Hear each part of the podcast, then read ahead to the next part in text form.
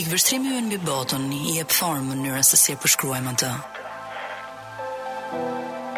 Por ç'mund të ndodhë në një botë kur perceptimet tona plazmohen identike, më shumë se kurrë më parë?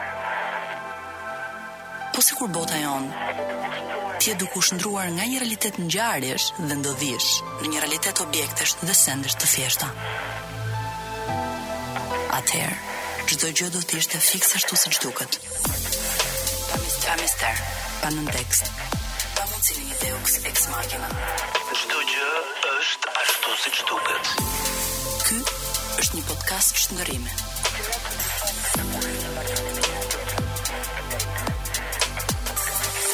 Çdo gjë është ashtu siç duket. Ëh, mirëmbrëma. Perceptimet tona mund të jenë duke u plazmuar identike dita ditës, por koktejlet tona nuk plazmohen identike çdo herë që ne takohemi on air, sepse kemi fatin e madh dhe unë këtë e kam konsideruar si një llastim dhe një privilegj të jashtëzakonshëm që Colonial Cocktail Bar Kujdeset që të jemi me humor shumë të mirë çdo herë që ne hyjmë on air në transmetim. Ë uh, sot kemi fatin tjetër të madh ne dhe ju që dëgjoni që të kemi Ilirin këtu, i cili ka përgatitur koktejlet për ne, Ilir mirëmbrëma, mirë se vjen. Mirë se mirë se ju gjeta. Faleminderit shumë që je këtu sot. Ë uh, faleminderit shumë për artin që ke krijuar për ne, mm. për të cilin ne do të flasim shumë shpejt, po unë doja të prezantoja edhe të ftuarën tjetër që kemi, që është Anisa Bardhi. Mikeshë shumë e mirë, sipërmarrëse, specialiste në fushën e hoteleri-turizmit dhe një njeri shumë i dhënë mbas ekoturizmit dhe strukturave ë uh, ekologjike të qëndrueshme, po themi zhvillimit të qëndrueshëm. Mirë se vjen Anisa dhe ti. Mirë se të gjeta Ana. Me Anisën do kemi një uh, bisedë pak më të gjatë. më mbrapa, do flasim për një temë të cilën nuk do ta zbulojmë që tani sepse tani do mbetemi pak tek krijimet e Ilirit. Ilir, çfarë është ky kokteli kaq i bukur që duket si një vepër arti? Faleminderit Ana. Shiko, ky është një nga koktelet um, që inspirohem. Zakonisht koktelet e mia janë koktelet um, që inspirohen nga diçka, domethënë. Uh, ky është një inspirim në Frankfurt, një restorant tajlandez. Mhm. Mm edhe nëse ndjen edhe shijen uh, e koktelit, Të jep ndjesinë e orientales. Kjo është një digestiv shumë i mirë, në fakt. Ëm ehm, uh, ka një emër provokues, kur them që është oriental, është i lidhur me pjesën orientale të të Tajlandës, mm -hmm. edhe quhet Rama 5.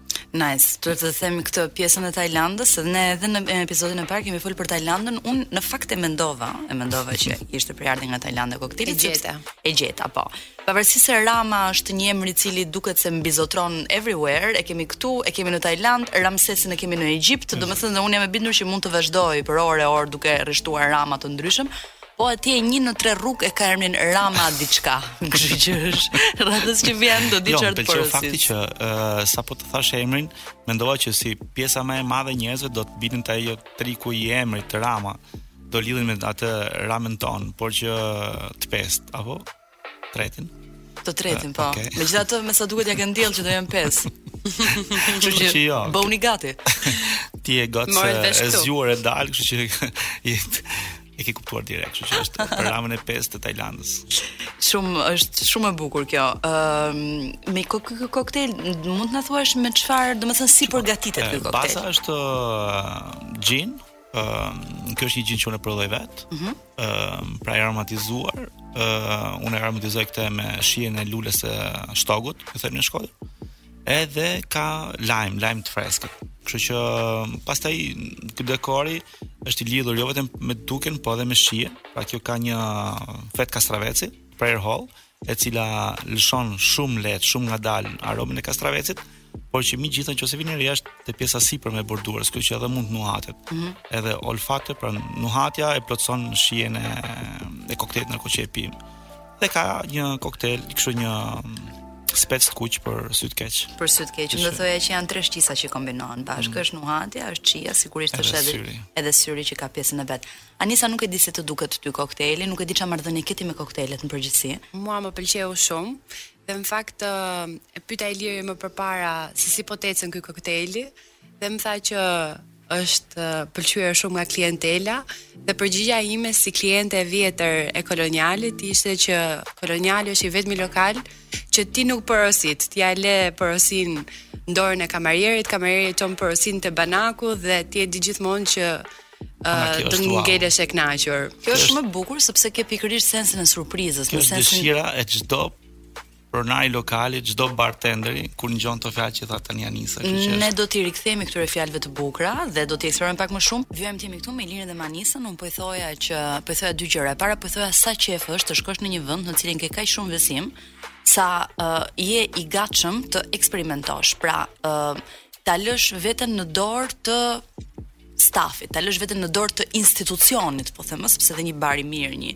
një pub i mirë është një institucion. Mund ta flasim edhe më vonë pse është një institucion, megjithatë unë tani dua të rikthehem komentit të Anisës, pra që po thoje kolonial është një vend në cilin ti shkon dhe ti be, ti beson ë uh, që çdo lloj gjëje që të ketë përgatitur banaku ti do ta pëlqesh.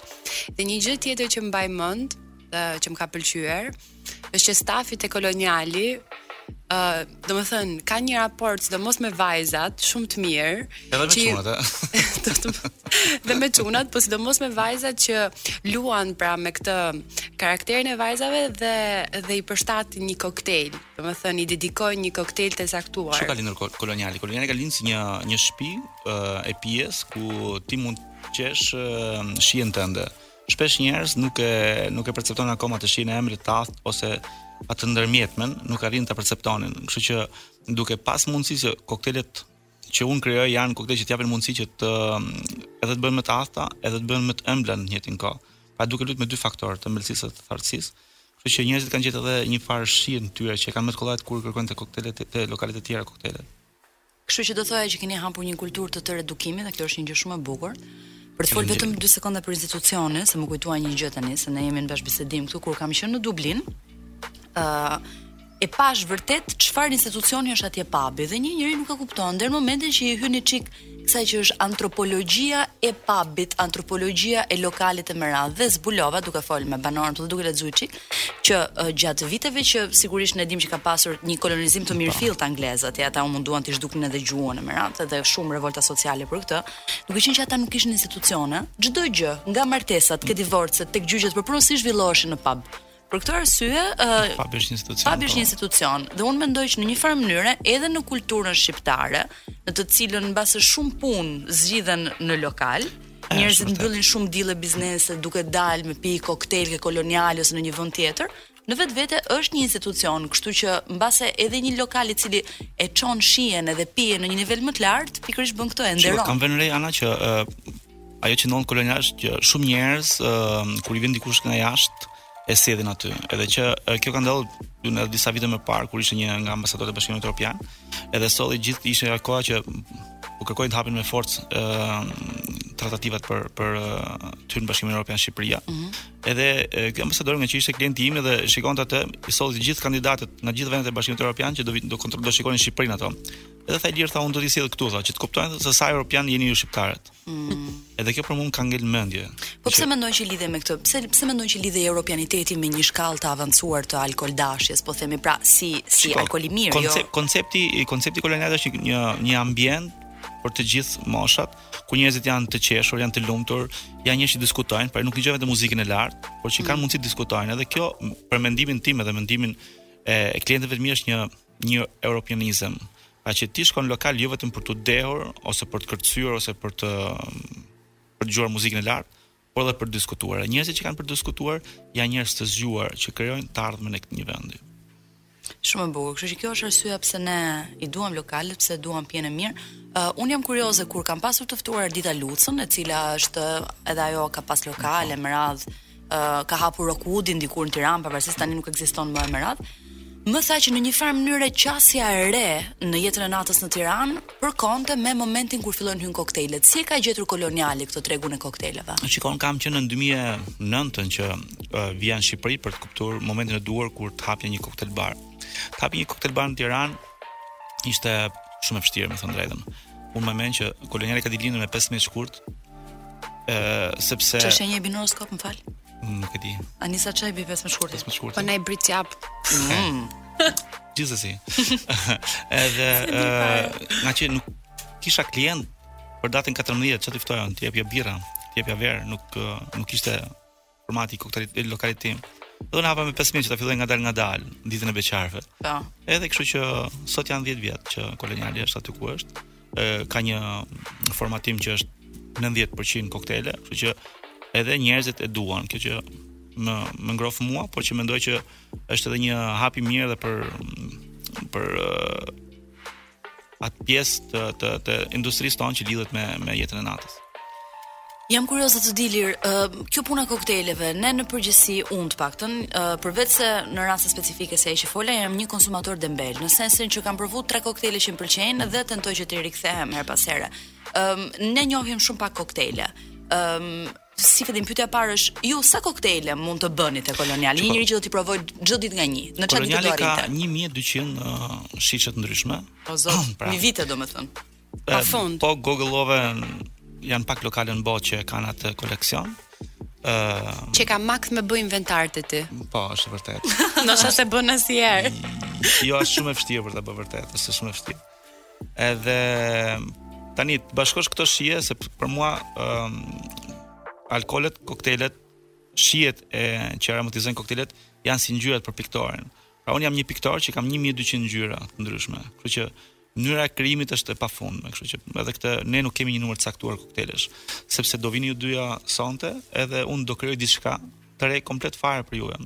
Mbase një barman i mirë, një bartender i mirë e kupton shijen e klientit duke fol, duke fol edhe për jetën e përditshme, duke fol edhe për ë uh, është një lloj psikologu, pa një bartender i mirë është një psikolog. Uh, ne nuk e kemi fatin për me thënë të drejtën që njerëzit vijnë në banak dhe që bartenderi të komunikojë. Edhe të kesh kohë se kemi. Pun, po nuk, ne shqiptarët duan të rrinë ulur, duan të rrinë larg banakut. Nuk ka shumë, ka, po jo as shumë. Ah, është çështje kulture kjo, kam thënë. Është çështje kulture, është çështje kulture. Ndërsa te Koloniali është një 80% është banak. Pra, oh. jep mundësinë që njerëzit të ulen, edhe të kenë një pamje fantastike pra përpara shisheve. Ti shkon në bar, edhe do flasësh, po do kesh argumente sepse këtë pijen e kam pirë këtu, këtë e kam provuar, të lutem, mund ta provoj këtë. Pra ne nuk i ndalojmë dikën të provojë. Kushdo vjen aty dhe thotë shiko, duhet të provoj këtë whisky ose këtë rumin ose këtë gin ose këtë vodkën. Edhe aty ka mundësi ta provojë pa lek. Tani pra. nuk do det, por që do e provojë, pra do kuptojë një shije të re. Ne japim këtë mundësinë edhe njerëzit jo gjithmonë e kuptojnë. Të huajt po është diçka tjetër. Për të huajt është parajsë. Un kam pat qindra të huaj që vin aty brenda u buzëqesh syri edhe shumë raste kanë bërë kryq. Që what the fuck, si ka mundësi kjo gjëja në Shqipëri, po? Se ideja është që kthehet në një eksperiencë. Po, është një ndër ato eksperienca që ato vijnë në Shqipëri dhe janë shumë guida turistike që Kolonialin e kanë përfshirë, domethënë, për të huajt. Për mos me thënë pastaj të gjithë ato që kanë zyra, që u vijnë kolegët e tyre nga jashtë edhe do t'i sjellin te Koloniali. Uh, kjo është shumë e bukur, unë uh, uroj që ti të jesh dhe radhës që vjen, Do të bëj maksimumin që të jem. Dhe sepse gjithmonë do kemi shumë gjëra të bukura për të thënë, unë kam akoma shumë pyetje të tjera, të falenderoj shumë që ishe këtu sot. Rikthehemi bashkë në S'do që është ashtu si duket, Ilirin e përcollëm, por koktejlet i mbajtëm, uh, kështu që biseda ime me Anisa Bardhin do të vijojë.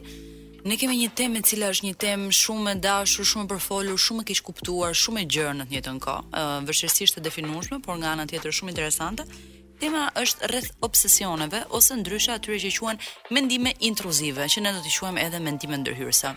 Ë uh, Unë mendoj që është gjithmonë shumë interesante të um, shikohet në njëfarë mënyre gjithmonë rrënja e fjalës. Pra kur fjala është krijuar, cila është etimologjia e fjalës? Çfarë ka dashur të thotë si fillim? Fjala obsesion vjen nga osesu, që ose ndryshe nga latinishtja obsesus, që është koha e shkuar e foljes obsidere. Obsidere në fillimet e veta ka dashur të thotë kur ti në një farë mënyre një njeri e izolon nga të tjerët, pra ulesh hm, me një njeri e gllabëron këtë njeri edhe e shkëput, e izolon, e shkëput nga bota përreth. ëm gjatë periudhës kristiane, pastaj si shumë gjëra të tjera ka marrë një konotacion shumë të fortë negativ, është lidhur me pushtimin, me djallëzimin e më radhë. Dhe un kam idenë që fjalët sigurisht që mbartin me vete konotacion historik. Pra, ato sjellin me vete uh, të gjithë bagazhin kulturor që i ka përcjellë ndër shekuj dhe është shumë e vështirë që një fjalë të zhvishet nga konotacionet që ka patur. Kështu kam idenë që një nga arsyet pse ne um, i shohim në dritë pak të dyshimt, um, obsesionet dhe kemi pak siklet, siklet të flasim për to, është edhe pikërisht sepse bagazhi kulturor që kjo fjalë ka mbajtur ndër uh, shekuj nuk ka qenë një bagazh pozitiv. Megjithatë, unë do ta nis me një statement shumë të fortë. Do them që në radhë parë njëherë mendoj që të gjithë deri diku jemi obsesiv, Ëh, e vërtet? E vërtet. Do thoja që në një studim që ka bërë Universiteti i Montrealit, ka rezultuar që rreth 94% e njerëzve që ata kanë marrë në ekspertizë, po themi kanë rezultuar njerëz të cilët vazhdimisht, jo në një moment të jetës tyre, vazhdimisht paraqesin mendime ndërhyrëse ose mendime obsesive. Ëm, uh, Anisa, si si relatohesh ti me obsesionet e tua? Atëherë, Kujtimi im më i hershëm i momentit parë që kam menduar që kam këto mendime ndërhyrëse që më pëlqen shumë edhe fjala sepse është tamam sikur nuk janë të tuat, pra po po vijnë nga nga jashtë, dhe pavarësisht se ti uh, fillon dhe friksohesh, të identifikohesh me ato mendime, fuqia më e madhe është që me vërtet ta kuptosh që këto mendime nuk të përkufizojnë dhe në të vërtet nuk janë të vërteta. Hera e parë që un kam përjetuar këtë, kjo është një gjë pak e thellë, domethënë un po. kam idenë që ne do duhemi t'i kthehemi pra pak prap, sepse ti preke dy tre koncepte. E para preke faktin që të pëlqen termi i mendimeve intruzive, mendimet ndërhyrëse sepse janë si diçka që vjen nga jashtë, që në thelb mund të lexojmë këtu një dyzim. Ëh. Mm të të të të psikës ton, po themi. Ë nga ana tjetër fole për faktin që këto mendime nuk janë të vërteta, pra këto nuk do t'i kalojmë kaq shpejt. Megjithatë unë dua të kalojmë te aspekti më konkret, po, që e ke konkretisht, që e ke konkretisht ti. Pra, kjo është e rëndësishme ne këtu dhe kjo duhet thënë, nuk po e bëjmë këtë bisedë sepse ne dëshirojmë t'i mbajmë një leksion dikujt mbi nga për mbi mhm. obsesionin. Ne po bëjmë këtë bisedë sepse unë mendoj që shumë e nevojshme që njerëzit të dëgjojnë, ë, njerëz të tjerë të cilët endorse, pra përqafojnë mendimet e tyre që nganjëherë të shkaktojnë dëm në jetë, mm -hmm. për të kuptuar që është diçka që e kalojmë të gjithë. Dhe nëse e mban mend një nga arsyet pse ne vendosëm ta bënim këtë temë së bashku, ishte edhe sepse Në mënyrë shumë të natyrshme po e bisedonim. Bravo. Në mënyrë shumë të natyrshme, një ditë un kalova në një kriz ankthi dhe një kriz paniku, ëm um, dhe ti ishe m'u gjende aty për të ndihmuar dhe nisëm një proces qetësimi. Qetësimi. Unë do ta quaja diseksioni, në sensin që ne hapëm prem aty në një farë mënyre ose më saktë tentuam prisnim ku ishte qelbi dhe u tentuam tentuam të ballafaqoheshim me këtë gjë. Ëm obsesioni im për shembull për ta kaluar në plan fare personal. Është interesante shumë se si fillon dhe krijohen gjërat. Ëm mua më duket sikur me kalimin e viteve, unë vet jam kthyer në një njeri që ëm obsesionin pra këtë që quhet mendim rikorent, obsesioni çfarë është në thelb? Obsesioni është mendimi obsesiv, më saktë, është një mendim i cili rikthehet vazhdimisht në forma të ndryshme. Dhe është i njëjti mendim që ripërsëritet dhe ripërsëritet dhe hyn aty ku nuk pritej që të ishte më përpara. Ky mendim obsesiv mund të lidhet me shumë gjëra, shpesh mund të ketë rrënjë shumë të thella. Pjesa më e madhe e njerëzve e kanë, shpesh mund të lidhet me ndjenjat e vet vlerësimit, vet pëlqimit e me radh, që na bën të mendojmë që nuk jemi aq të mirë sa ç'duhet të ishim. shpesh këto mendime obsesive lidhen pastaj me sjellje kompulsive dhe pastaj mm -hmm. kalojmë në raste OCD e post traumatic stress disorder e me radh, po ato janë diagnoza që sigurisht ne nuk jemi këtu për të shqyrtuar dhe për të dhënë sepse nuk nuk kemi kapacitetin e duhur për ta bërë këtë gjë. Por mendoj që çdo njeri në momente në jetë kalon uh, ka disa mendime obsesive. Uh, atë ditë që ne po komunikonim bashkë ishte fjala për uh, paranojën time, unë mbas një periudhe shumë të vështirë um, në jetën time në të cilën m'u krijua përshtypja sikur njerëzit më po më përgjonin, mm -hmm. sepse si rrjedhojë dhe si pasojë e shumë ngjarjeve që kishin ndodhur, siç ishte mm, edhe protesta për teatrin, në të cilën u fotografova dhe fotot u hodhën online dhe pastaj erdhi një periudhë shumë e vështirë psikologjikisht në jetën time dhe në karrierën tënde. Jo, në karrierën time nuk e di sepse mbase nga aty vërtet nisi një gjë shumë e mirë dhe kjo është shumë interesante. Por dua të them psikologjikisht ishte një moment i rënd mua m'u krijua ankthi që në çdo moment dikush më ka fotografuar, dikush po screenshoton një bisedë që ne kemi bërë bashk, ëm ose dikush do çoj fjalë lart e poshtë. Dhe kjo gjë avash avash nisi të m'u kthej në një lloj paranoje. Po ç'a ndodh? Kjo pavarësisht se duket si budallëk dhe mbase njerëz që dëgjojnë mund të thonë që o zoti madh ç'është kjo, a kupton tani e halli third world problem domethënë. Po, nuk është puna aty. Çështja është që ky është një mendim obsesiv dhe një paranojë e cila shkakton gjëra të tjera. Shkakton gjëra të tjera sepse shkakton probleme në relatat me njerëzit, ëh, um, shkakton stres që kalon deri edhe në smundje. Po, mundet të ndodh. Pra, në një farë mënyre është shumë e vështirë për mua që unë t'i qasëm një njeriu dhe mbase edhe një njeriu me të cilin nuk kam shumë besim më të bëj një bisedë që është shumë e sinqertë. Ëm um, dhe kjo nuk është shumë e lehtë, sepse pastaj, siç e tham dhe bashk, gjëja ka shkuar në ekstrem deri te ku di un një set fotografik që kam më për qejfin tim, fillova pastaj duke mendu krijova skenar nga më absurd. Skenar më të keq që mund të ndodhte. Në kokën time, të cilën edhe e diskutova me ty më mbrapa. Pra, në një farë mënyrë kjo është diçka, ky mendimi im obsesiv që është pikërisht kjo, frika që dikush është duke më kapur në një moment që unë nuk e kam parë dhe do e përdor këtë gjë, është do më nuk është normal kur unë arsyetoj me mendjen time nuk është normal, por nga ana tjetër, mua ma prish disponibilitetin emocional që un kam ndaj botës, edhe kjo kjo është e rëndësishme dhe un prandaj kam vendosur ta ndaj këtë gjë për t'i thënë njerëzve që edhe njerëz të tjerë që mund të kenë diçka të tillë, duhet ta konsiderojnë si të rëndësishme, nuk është diçka që thua ti më mirë se shqetësimi që kam unë, e kupton, është kot fare dhe nuk është ashtu. Po. Kështu që un vendosa ta ndaj këtë me ty, ëh, mm -hmm. um, sepse e di që janë të shumëllojshme këto lloj mendime obsesive. Ti si e ke marrëdhënien me to? Unë e mbaj mend nga ajo biseda që kemi bë bashk, pastaj fillum duke bë një pyetje që sa keq është me vërtet gjëja më e keqe që mund të ndodhi nga kjo frikë që ti ke. Dhe në fund fare ti kupton që edhe sikur ajo të bëhet e, me vërtet e vërtet, ti prap si prap do gjesh një mënyrë për të dalë nga ajo situatë ose për Domethënë, në kokën tënde është vetëm frika që bazohet në diçka që s'ka fakte dhe nuk është reale, pra është në të ardhmen ose nuk ekziston. Në rastin tim personal, un obsesionin e parë e kam përjetuar në momentin që zgjodha shkollën e gabuar, dhe nuk zgjodha universitetin e gabuar. Zgjodha universitetin e gabuar, isha në Manchester, po studioja për ekonomi dhe isha shumë e mërzitur që nuk më pëlqente fare as shkolla, as jetesa atje, po nga ana tjetër më ligështonte frika që si do kthehem un në Tiranë dhe të pranoj këtë gabim këtë dështim. Kjo është një frikë që ndjek shumë njerëz, pavarësisht nëse ikin jashtë apo vazhdojnë jetojnë në Shqipëri. Ne do t'i rikthehemi sepse tani kam idenë që kemi hyrë në zemër të problemit. Ti zgjedh shkollën e gabuar, dikush zgjedh karrierën e gabuar, dikush zgjedh partnerin e gabuar. Ë, uh, dhe nganjëherë këto situata uh, mendimesh obsesive dhe ankthi dhe një lloj keq ndjerjeje, ë, uh, kanë të njëjtin efekt. Kanë të njëjtin efekt. Po tregoja. Në rastin tim, në momentin që un mora vendimin pavarësisht se tentova ta pëlqeja degën, ta tentova ta pëlqeja shumë vendin edhe të përshtatesha me shoqërinë që ishte aty, nuk, domethënë mendimi kryesor ishte që un po humbas kohën time. Domethënë, ë uh, m'u dukën shumë tre vjet, pesë vjet shkollë dhe ta ndiqja vetëm që mos zhgënjeja prindërit dhe mos zhgënjeja shoqërinë që tani ti humbe një vit edhe duhet të kthesh edhe ta rimendosh edhe një herë, të humbësh më shumë kohë se çfarë do zgjedhësh e gjëra gjërat me radhë. Kjo është interesante sepse edhe në librin që ti ke sjellë, që quhet Think Like a Monk, Një nga shqetësimet e autorit, i cili është edhe një podcaster shumë i famshëm, është pikërisht ky, në momentin që ai vendos të heqë dorë nga karriera e tij e shkëlqyer financiare me një pagesë shumë të lartë dhe vendos që të bëhet të konvertohet në murg, përpara se të shkruajë këtë libër për të gjetur atë që është në një farë mënyrë ndriçimi i brendshëm, ë.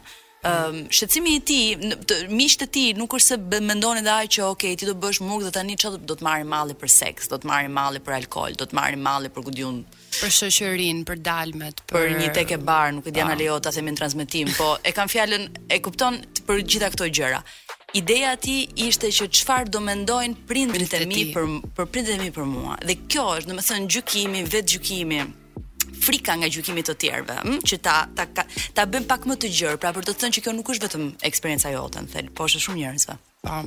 Dhe unë uh, arrita të prekja fundin momentin që në një ditë të errët, domethënë nuk po e kuptoja që avash avash po bija në ça quhet depresion sot sepse po po e dëgjoj majtas djathtas edhe shumë njerëz e përdorin në formate të ndryshme, po ama unë e kam përjetuar në momentin që unë fjeta për 3 ditë. Domethënë për 3 ditë nuk u çova nga, nga krevati dhe nuk e kisha kuptuar. Edhe mua më që... ka ndodhë kjo gjë, pikërisht në periudhën e vështirë të jetës time, fleja nga 18 orë në ditë.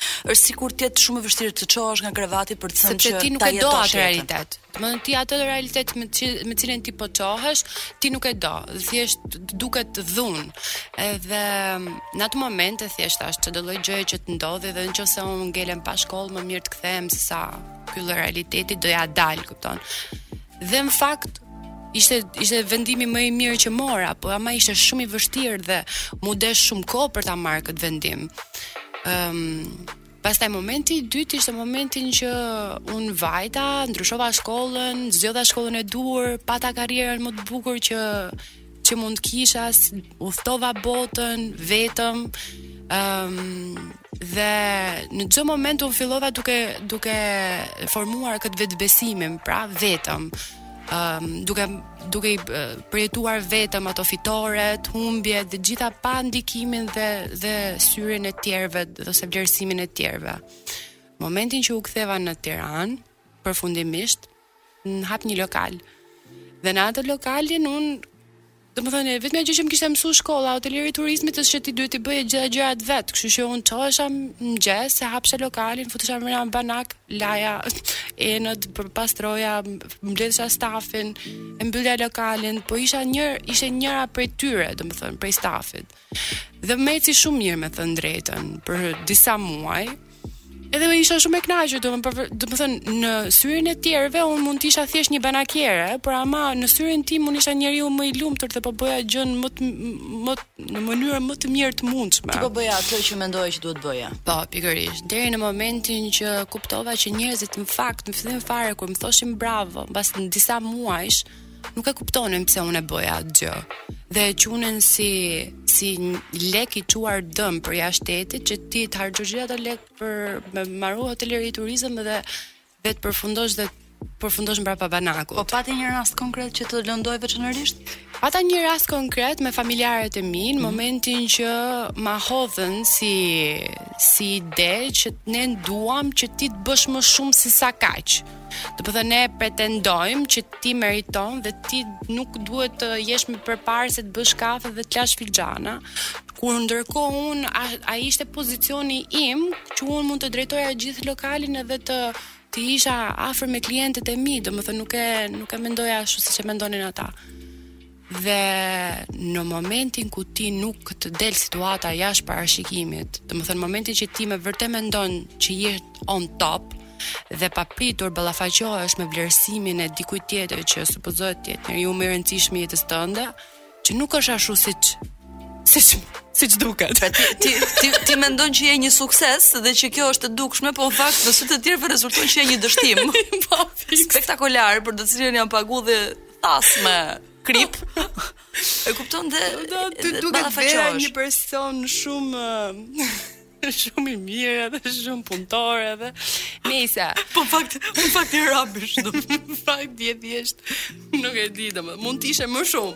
Mund të ishe më mirë. Tani kjo është interesante sepse këtu rilidhemi prap me konceptin e pikërisht ekspektativave nga vetja dhe arsyeve pse uh, mendimet obsesive trigger. Një nga arsyet kryesore pse ato shfaqen, uh, të paktën ky test është bërë në 6 milionë amerikanë, një nga arsyet kryesore pse shfaqen është sepse ë uh, ata mendojnë që të tjerët mendojnë se ata nuk janë mjaftueshëm.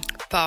Dhe kjo është arsyeja kryesore që njerëzit i vret dhe i sjell mendime ë uh, rikorrente dhe që i sillen gjithmonë. Mendimet obsesive në fakt janë një seri mendimesh që zakonisht përsëriten, shpesh të shoqëruara me gjykime negative mbi veten. Shumë herë ne jemi të paaftë për të kontrolluar këto mendime të vazhdueshme, shqetësuese. Dhe frekuenca e tyre mund të variojë nga e butë por e bezdisshme, si në rastin tim në përditshmërinë time ë që kur them një gjë që mendoj që nuk duhet ta them, filloj dhe të them me vete o Zot i madh, po sikur dikush të më ketë incizuar, do të thotë që është çmenduri. Deri tek gjëra që janë më gjithëpërfshirëse dhe shkatërruese në sensin që mund literalisht të të shkatërrojnë jetën. Këto mendime shqetësuese mund të jenë të tipit vetëgjykues, pra nuk jam e mirë aq sa duhet dhe kjo është ajo që është grada më e përhapur dhe manifestohen me shqetësime për detaje të vogla, pra Si mundohemi ta mbajmë këtë nën kontroll? Ka disa forma.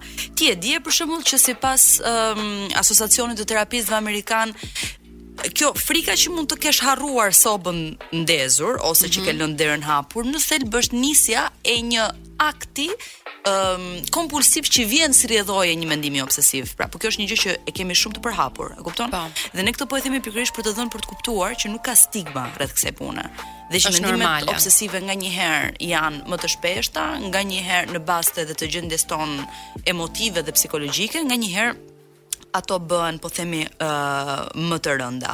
Deri de, deri në përsiatje serioze si frika se mos sëmuremi fatalisht ose mos lëndojmë njerëz të tjerë, që edhe kjo është shumë e vërtetë. Mm -hmm. Shpesh një nga shqetësimet tona më të mëdha është pikërisht kjo, mos jo mos lëndohemi vetë, por mos lëndojmë njerëz që na duan Ose mos zhgënjejmë njerëz që na duan. Si e ke ti marrëdhënien me me frikën se mos zhgënjen njerëz? Kjo është frika ime më e madhe, pra, domethënë frika ime më e madhe është momentin që uh, unë marr një sinjal se kam zhgënjyer njerëzit më të rëndësishëm të jetës time dhe Kjo është negative për mua sepse më bën të jaj, ta jetoj jetën në bazë të vlerësimit që kam rreth e rrotull dhe në momentin që unë nuk e marr atë vlerësim ose marr vlerësimin e vlerësim negativ ka një impakt shumë të keq tek unë. Rikthehemi në pjesë në këtë pjesë të dytë të çdo gjë është ashtu si duket. Ëm um, arsyeja pse mua më pëlqen shumë ky epizod është sepse Ky është nga të, domethënë, është interesante në tre epizodet pararendëse, në një farë mënyre na ka rezultuar sikur gjërat nuk janë vërtet ashtu si duken. Ndërkohë që ky është episodi i parë realisht ku gjërat janë ashtu si duken. Pra ne pranojmë absolutisht mendimet tona intruzive, pranojmë ose ndërhyrëse. Pranojmë absolutisht mendimet tona obsesive, ëm, të cilat nganjëherë sjellin në sjellje kompulsive. Dhe e pranojmë veten siç jemi. Uh, Anisa po na tregonte që një nga peshat më të mëdha, ëh, që i është dashur të mbajë në kurriz, duket se gjë e vogël, por në fakt është një gjë e rëndë, është pikërisht momentin në cilin ajo zbulon që familjarët e saj nuk mendojnë për atë ajo që ajo atë, atë që ajo mendon për veten e vet. Dikur, para tre vitesh. Po, patjetër, tani... Tani jam shumë e lumtur që jam një paciente e kuruar. jo, jo, po. Mund ta quajmë jo, uh, jo, nuk, vetën. Nuk, nuk, nuk do ta quajmë, sepse ne deri tani nuk kemi folur për këtë gjë si një smundje, që në fakt nuk është. Po, pra, po. Shtu që... Dhe në, në, në rastin tim, për mua, uh, pavarësisht se kjo gjëja mund të interpretohet si, sipas eksperiencës personale në të dyja rastet, në rastin tim ka qenë një periudhë shumë e errët, mënyra se si unë reagova. Domethënë për një gjë që duket shumë e vogël ë, nga jashtë ose për njerëzit që nuk e kanë patur si eksperiencë ose i duket si hall luksi, ë në rastin tim efekti negativ që pati thjesht një fjali ë, në fund ditës që ajo fjali mund në një ditë tjetër, si për shembull mund të ishte një reagim që ok, unë e di se se se ça dua të bëj edhe kjo që po bëj unë është gjëja më e duhur edhe nuk më intereson fare vlerësimi jot apo domethënë ajo duhet të ishte përgjigja ime. Kur në fakt përgjigja ime ishte që unë mos çohesha ditën e nesërme. dhe as të tjetrën, dhe as të tjetrën. Dhe unë përsëri u futa, u bllokova nga këto mendimet që mendimi intruziv i imi tashmë ishte që kjo që po bën ti nuk është gjëja e duhur dhe unë nuk dija ça të bëja tjetër. Domethënë sepse ky mendimi intruziv që unë mora ishte kjo nuk është. Ça do bësh tani?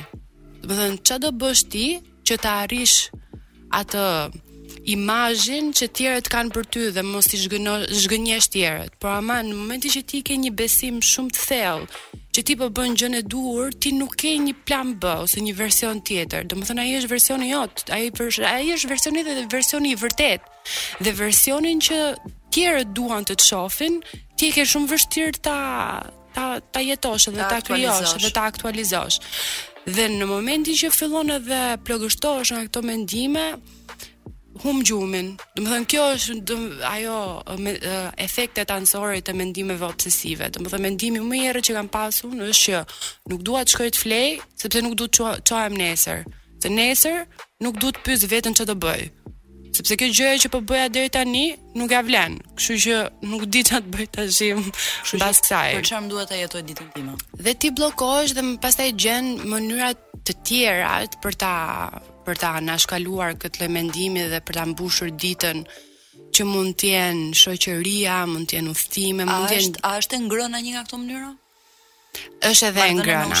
Është edhe e ngrëna patjetër. Domethënë sidomos në rastin tim, ë uh, un kam pas një historik ë uh, për Po s'do ta them probleme tash që është bë çdo gjë shumë sensitive, po por sensitive ani, domethënë me duar para. Domethënë është bër është bër problem kjo. Ë uh, momentin që ti ndihesh keq dhe do dhe dhe që trupi të ndihet keq. Dhe trupi ndihet shumë keq momentin që ti nuk han gjërat e duhura ose han më shumë se ç'duhet etj etj. Domethënë ti do komplet ë uh, ta ndjesh këtë të keqen si si si në mendje si në trup Ëm, pra do të thuash që një nga mënyrat me të cilat shfaqen këto mendime obsesive shpesh janë edhe sjelljet kompulsive që është e ngrëna kompulsive. Po. E cila mund të jetë e dy llojeve të ndryshme, mund të jetë të hash tej mase dhe gjëra të cilat ti e di që të bëjnë keq fizikisht sepse ti je keq psikologjikisht, mm -hmm. sikurse mund të jenë edhe në nivele të tjera krejt që çojnë në eating disorder, siç mund të jetë bulimia apo anoreksia, e me radhë të cilat shpesh kanë matricë psikologjike gjithmonë.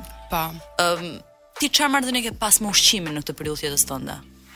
Domethënë unë mbaj mend që e vetmja arsye pse un mund të haja diçka ishte sepse doja të ndihesha më mirë, jo sepse doja të ushqeja veten ose ose doja të të të haja shëndetshëm ose gjitha këto arsyet e tjera pse njerëzit hanë në një mënyrë të caktuar. Domethënë mm. thjesht e kisha si punë uh, vend ku jo fshihesha, po dilja, domethënë escape.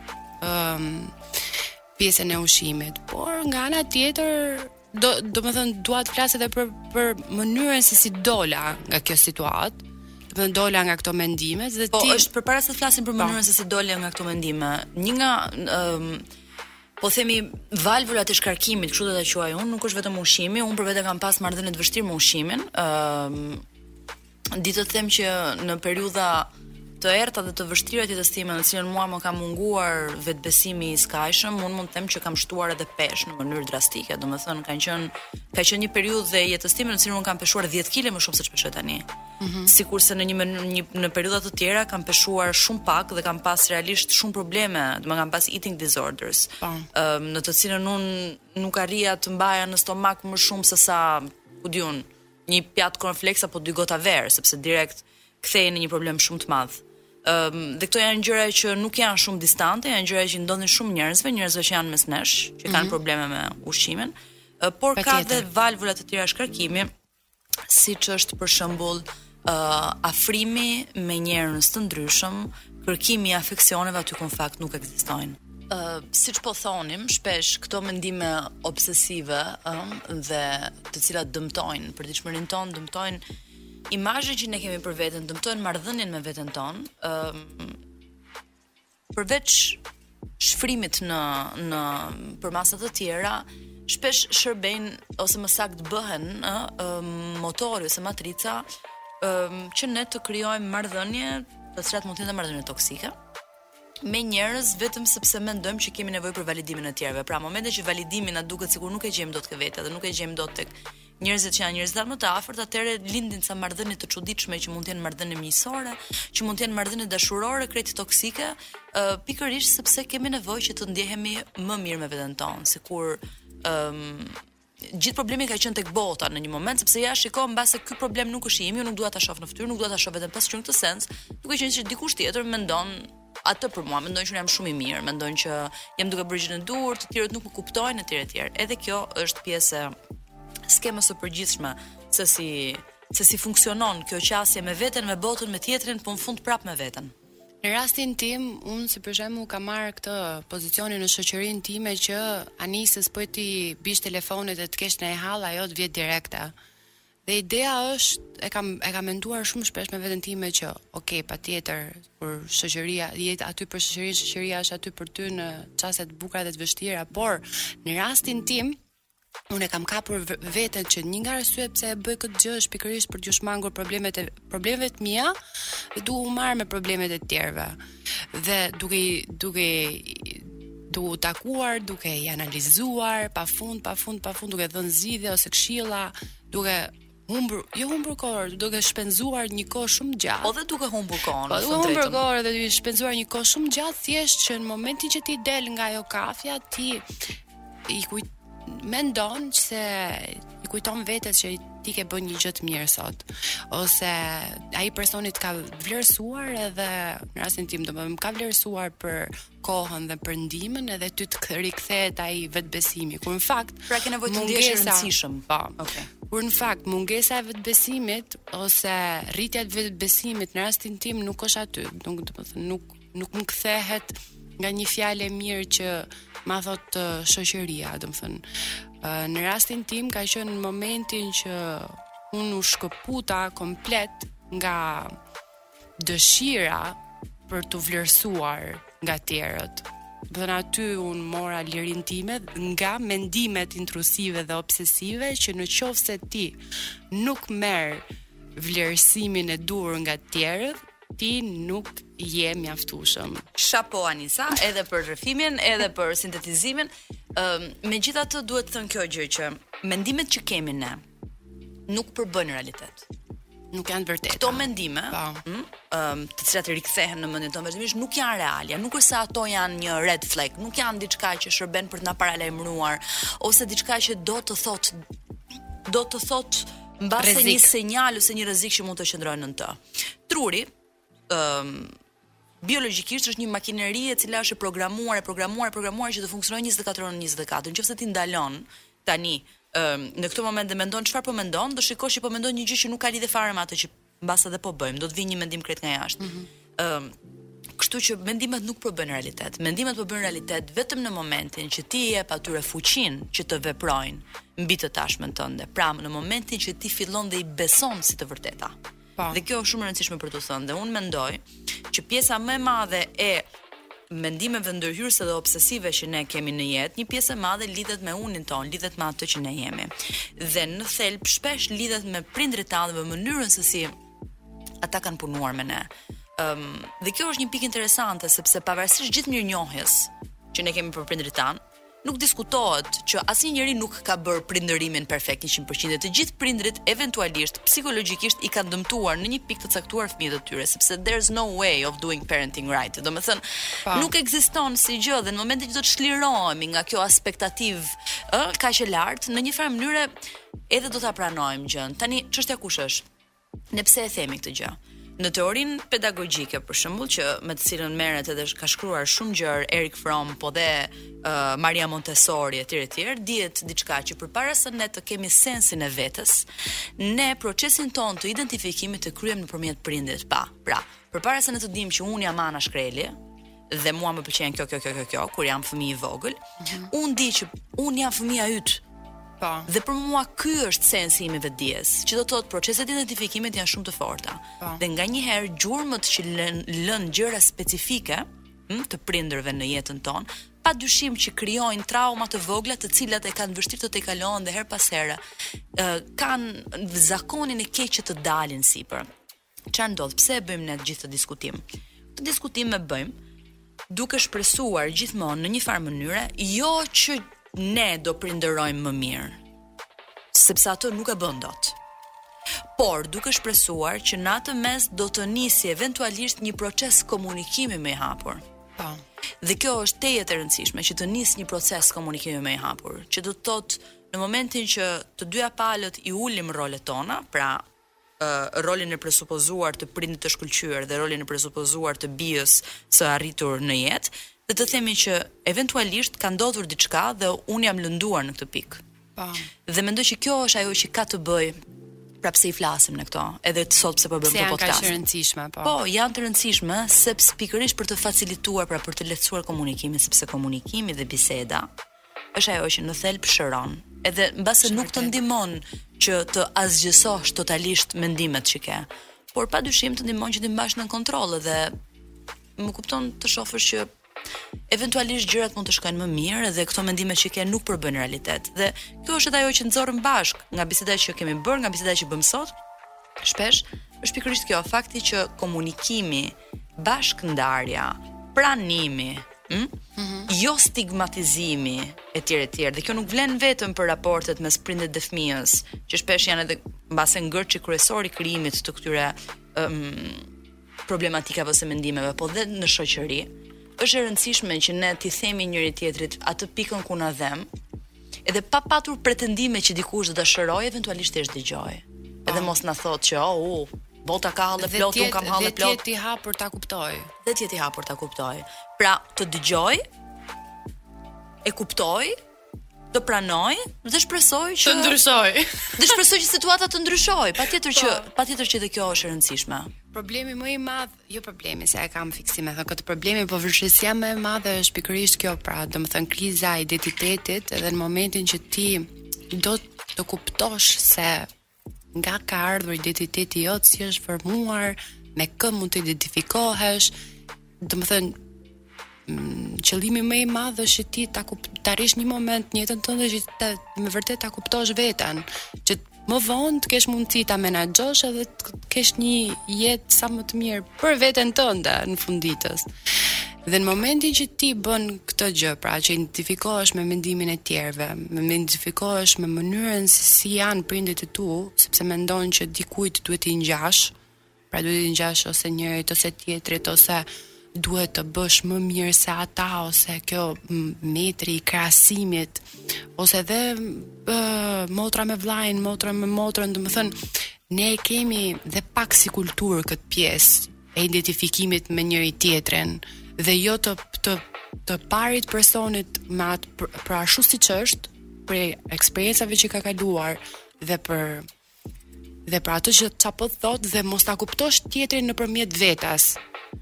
Po mundohesh me vërtet të thuash që ky është një rast unik dhe nuk do duhet duhet të japësh rëndësinë e duhur pra.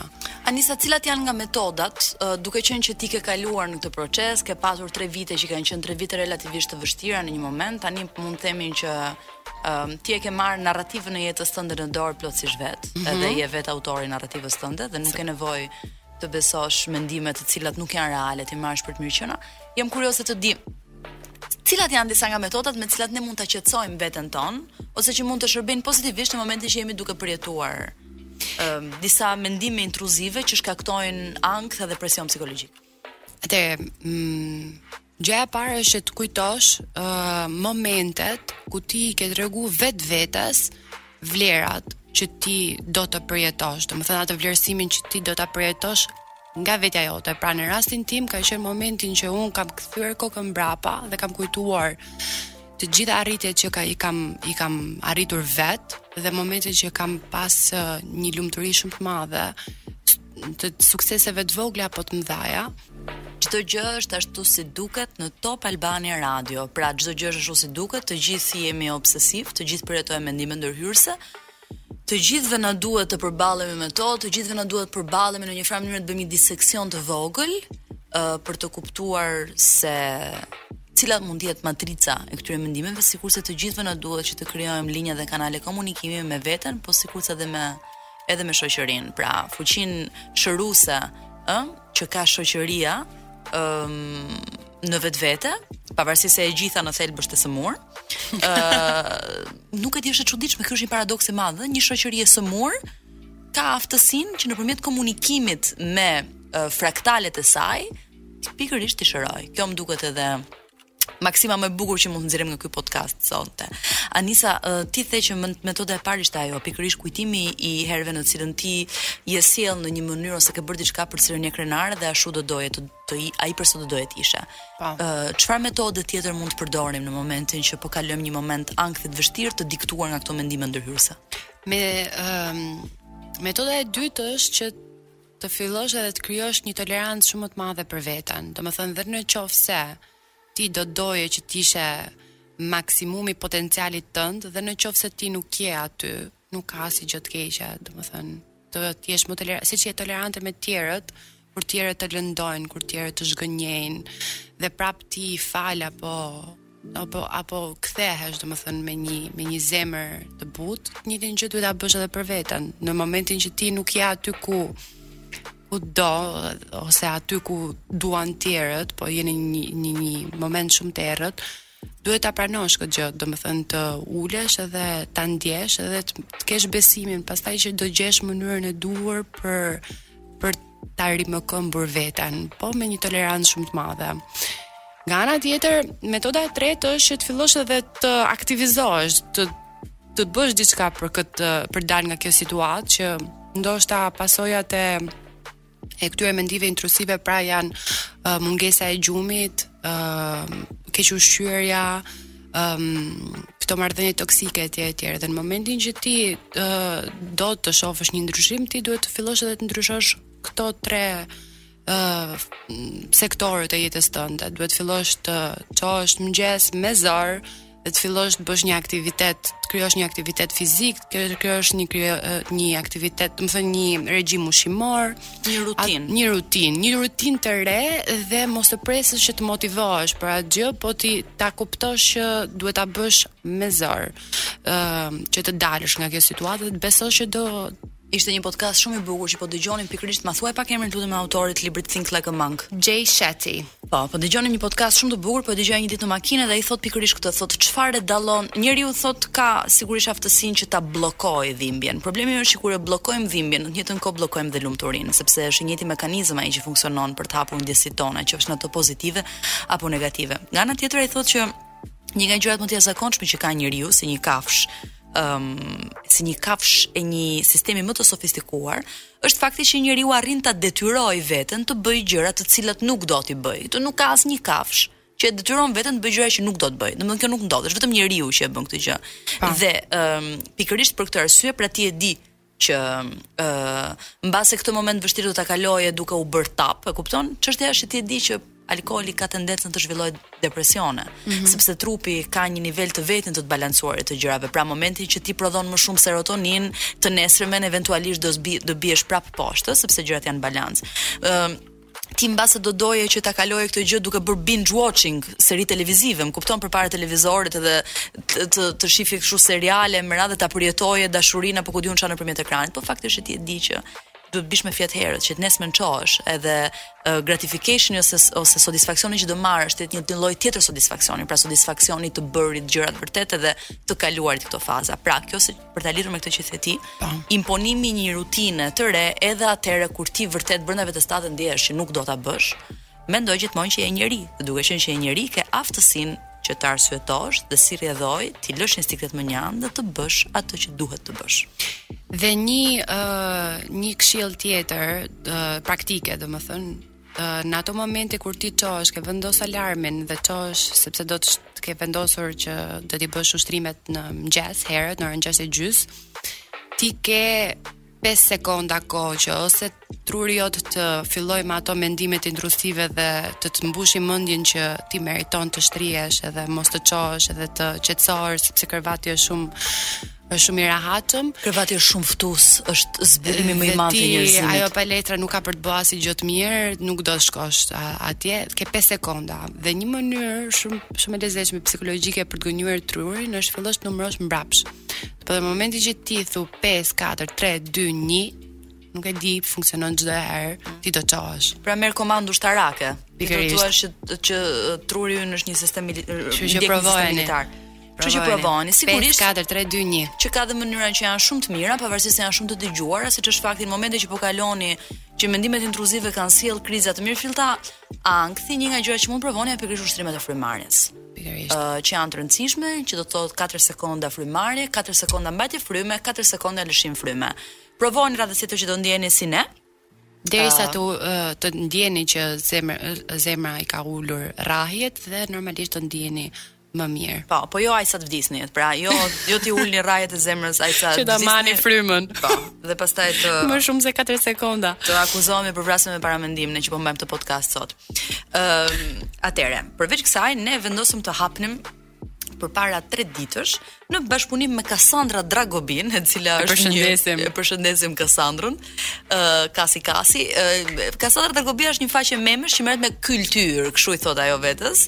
Ëm um, dhe vendosëm të hapnim një poll uh, question and answers në një farë mënyre për me kuptu cilat janë obsesionet dhe fiksimet tuaja. Tani ishte shumë fantastike kjo, sepse kjo u nda në dy linja.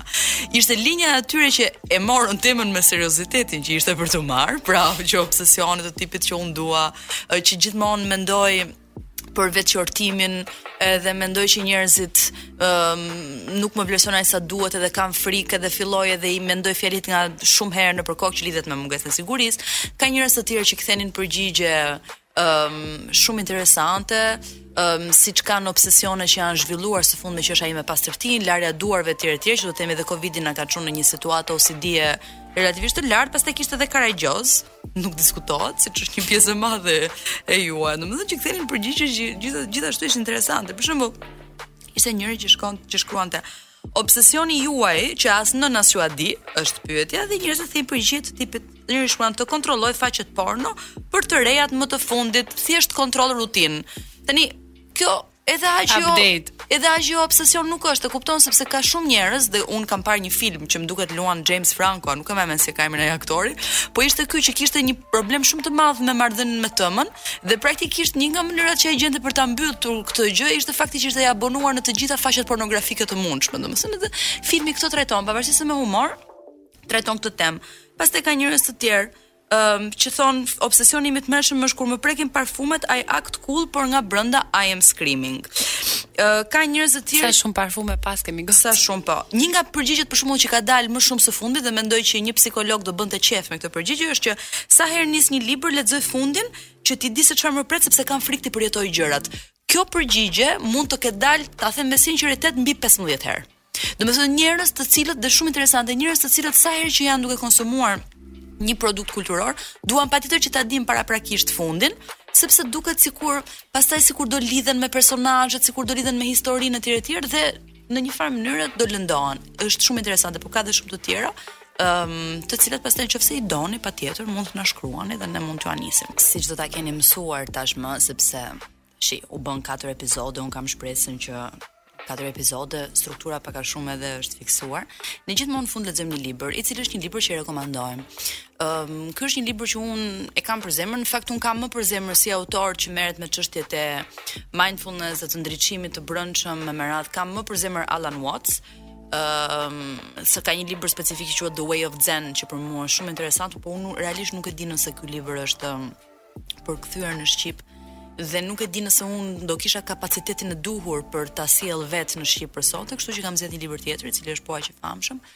Duhet thënë që bota e lexuesve ndahet në dy anë, ato që mendojnë që këto janë libra që të ndihmojnë dhe ata që mendojnë që kjo është një shpikje e sistemeve të ndryshme neoliberale për t'i mbajtur njerëzit të përqendruar tek vetja dhe tek problemet e tyre të brendshme për të shuar në një farë mënyre atë shpirtin e revoltës sociale. Nuk e di. Megjithatë ne do ju lexojmë një pasazh.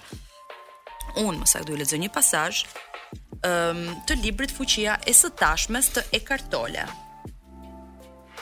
Cila është pengesa më e madhe për të përjetuar realitetin?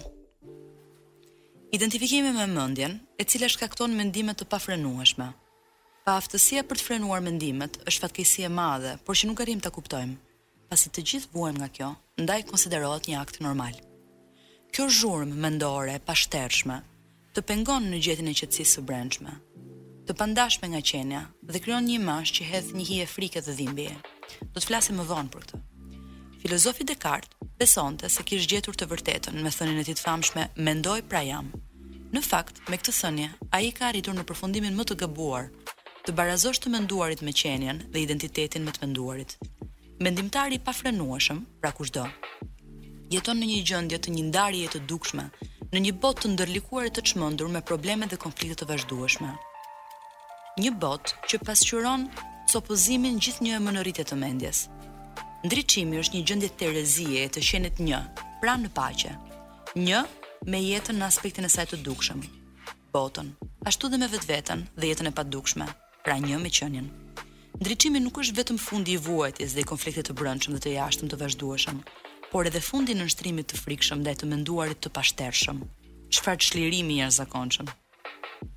Identifikimi me mendjen krijon një ekran të errësuar nga konceptet, emërtimet, imazhet, fjalët, gjykimet dhe përfundimet, të cilat bllokojnë çdo marrëdhënie të vërtetë. Ndodhet ndërmjet teje dhe vetes, ndërmjet teje dhe partnerit, ndërmjet teje dhe natyrës, ndërmjet teje dhe Zotit. Ky ekran mendimesh krijon iluzionin e ndarjes, iluzionin që ekziston ti dhe një tjetër, totalisht i veçuar. Ndaj, kështu, Ti e harron faktin e rëndësishëm që në nivelin e dukshmërisë fizike dhe të format, formave të veçuara, ti je një me të gjitha atë që ekziston. Me harresë, dua të them që ti nuk do të ndjesh më gjatë këtë unitet si një realitet i dukshëm i saj. Mund ta besosh që është e vërtetë, por nuk do ta njohësh gjatë si të vërtetë. Një besim mund të jetë ngushëllues, por vetëm nëpërmjet eksperiencës personale ai bëhet çlirues. Të menduarit shpesh kthehet në sëmundje. Sëmundjet shkaktohen atëherë kur gjërat humbasin ekuilibrin. Për shembull, nuk ka asgjë të gabuar në ndarjen e qelizave dhe shumëfishimin e tyre në një trup.